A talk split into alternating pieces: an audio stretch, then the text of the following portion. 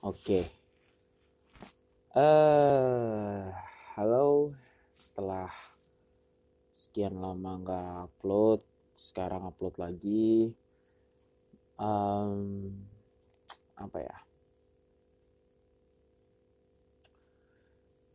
Mau bahas apaan sih kemarin? Oh ya mau bahas hobi. Hobi. Kayaknya setiap orang tuh butuh hobi deh. Jadi orang tuh nggak nggak terpaku sama apa ya sama males-malesan doang gitu.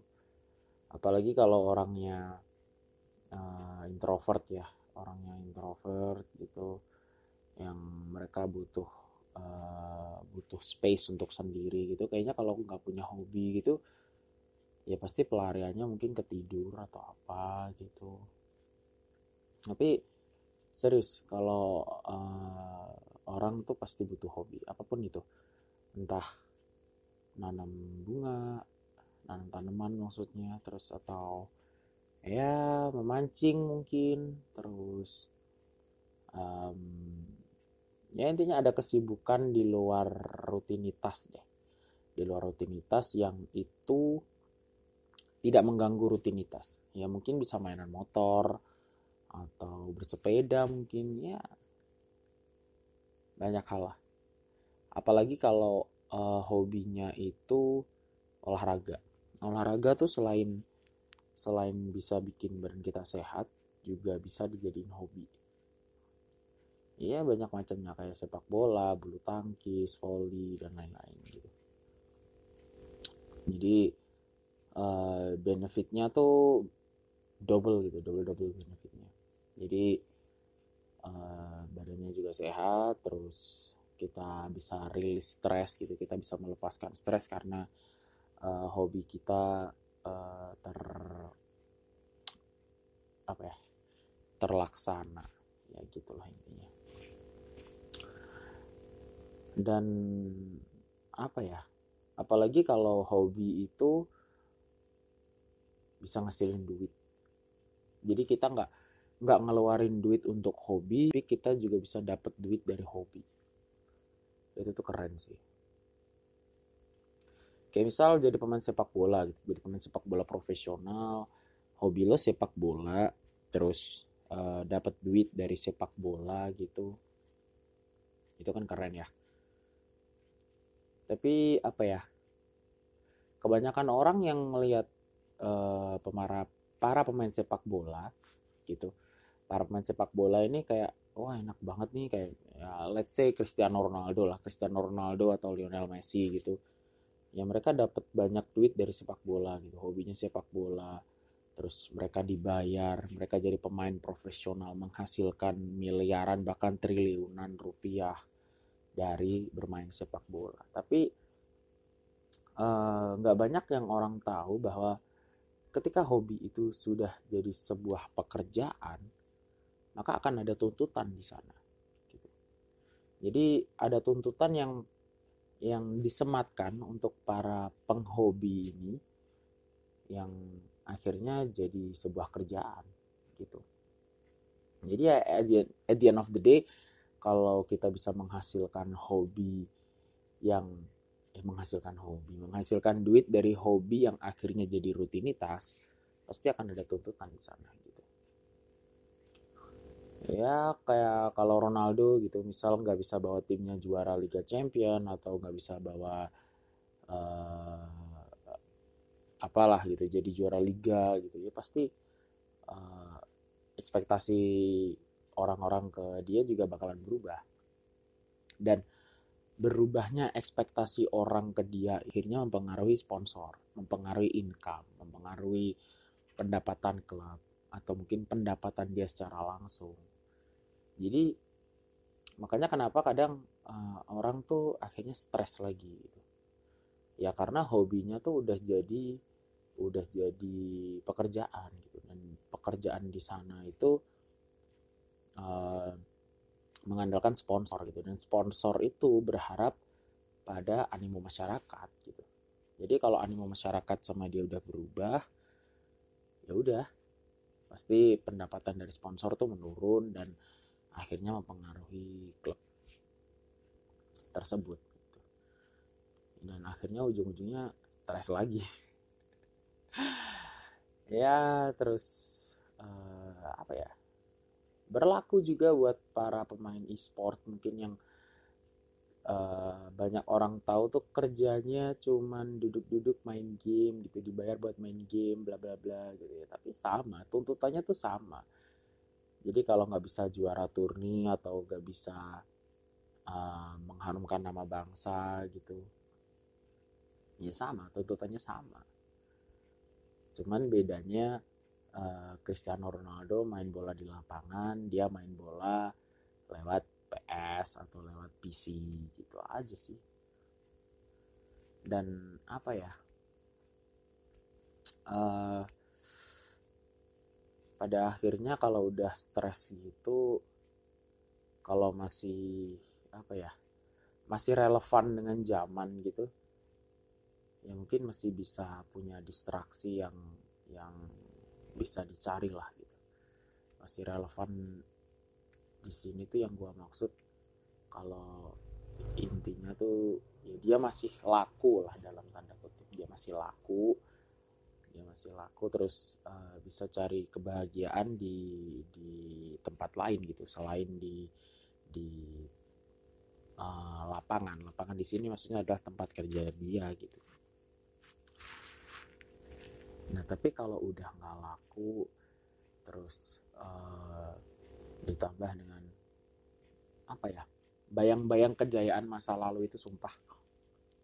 Itu nyebelin banget sih itu bisa jadi insecure kadang tuh. Kalau orang uh, masa lalunya tuh tenar gitu terus tiba-tiba kok kok makin meredup ya kok sekarang masyarakat nggak lagi ngebicarain gua atau apa gitu.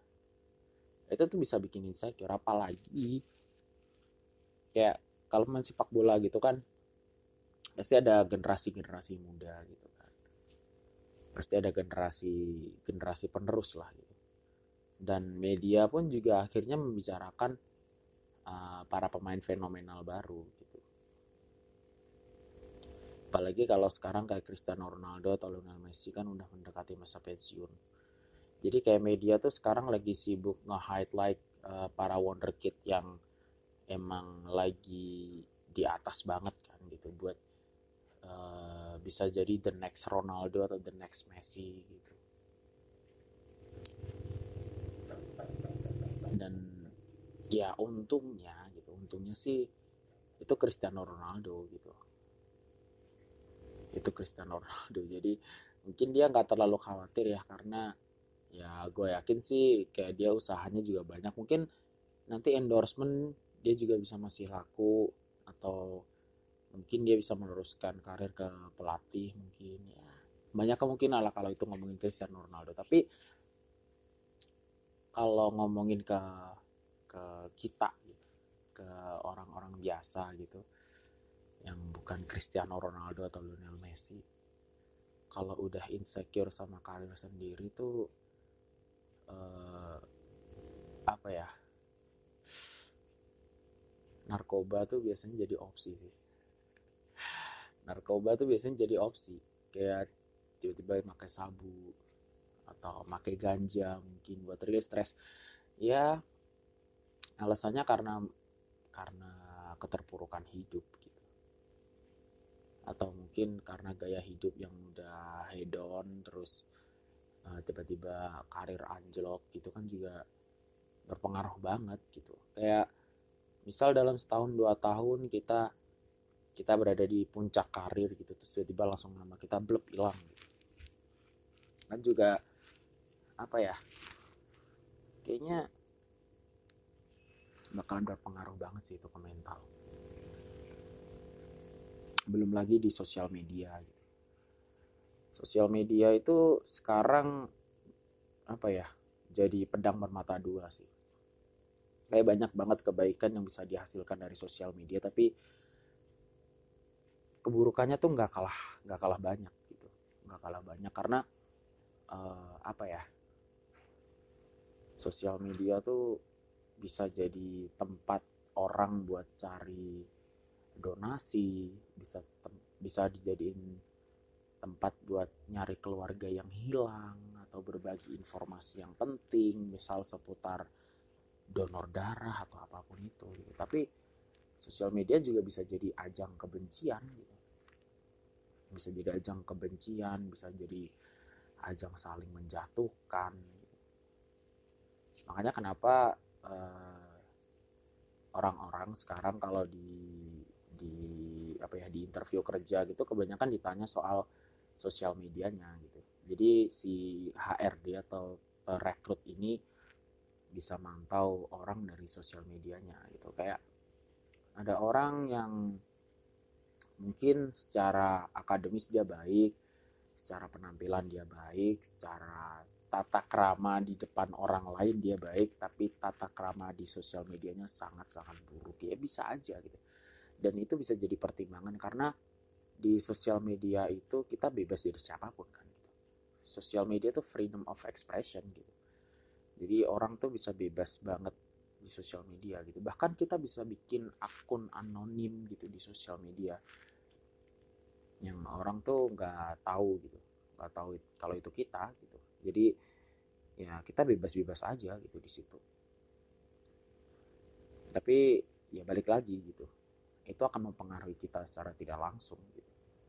Karena kalau kita tiap hari melempar kebencian, melempar kebencian ya, yang ada di di kepala dan hati kita tuh isinya kebencian, kebencian, kebencian terus karena kita nggak pernah nggak pernah uh, ngirim atau ngelihat sesuatu yang good vibes gitu. Karena uh, kita memberikan orang lain apresiasi kita bertingkah baik itu juga bisa memicu hormon yang apa ya lupa gue namanya.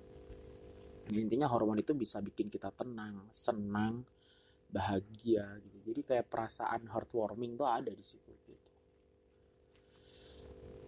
Dan apa ya uh, lebih parahnya lagi sih sekarang sosial media untuk meluapkan kebencian tuh udah ada wadahnya jadi emang ada orang yang sengaja bikin sebuah akun yang itu digunakan untuk ya, ayo luapin kebencian, ntar medianya gua nih. Gitu. Jadi gua merahasiakan identitas lo, tapi lo luapin kebencian dan itu dikirim ke gua dan nanti gua sampaikan lewat akun ini. Dan itu gila banget, itu peminatnya gila banget sih Indonesia tuh. Maksud gua hal-hal yang kayak gitu tuh emang seharusnya nggak nggak usah terjadi gitu. Nggak usah sampai ada lah gitu. Tapi at the end of the day yang kayak gitu tuh ada karena emang peminatnya tuh masih ada dan banyak gitu. Nggak cuma satu dua orang gitu. Kalau peminatnya dikit akun-akun kayak gitu tuh pasti mati gitu. Pasti udah udah nggak bakalan ada lah gitu. Jadi karena peminatnya masih ada dan sesuatu yang menarik minat masyarakat pasti ya balik lagi sesuatu yang menarik minat masyarakat pasti mendatangkan sponsor gitu. Dan orang yang hidup dari sponsor eh dan orang yang mendapatkan duit dari sponsor karena hasil kebencian itu ya pasti lama-lama bakalan mikir ya hidup kayak gini aja udah enak gitu. Karena ya kayak gue tinggal copy paste, copy paste gitu. Kebencian atau nyari info dari orang lain yang bahkan mereka uh, tidak apa ya Bahkan mereka juga mungkin tidak minta untuk dicantumkan namanya dalam postingan tersebut. Kayak nggak minta di tag atau apa gitu. Jadi keuntungan itu akan terus mengalir gitu selama animo masyarakat masih masih tinggi akan hal itu gitu. Jadi ya semoga di tahun-tahun depan udah nggak ada lah yang kayak gitu. Kayaknya kasihan gitu kayak kita ngusik kehidupan orang lain aja gitu. Kita kita bahagia di penderitaan orang lain gitu. Kayaknya aduh itu bukan sesuatu yang bisa dibanggakan sih. Ah. ya kayaknya kali ini mau ngomongin soal itu aja general sih general. Jadi gue nggak ngebahas spesifik soal akun apa atau apa enggak lah. Nanti aja dulu di kupasnya belakangan aja lah soal apa yang barusan tadi gua ngomongin. Jadi see you on the next episode. Bye bye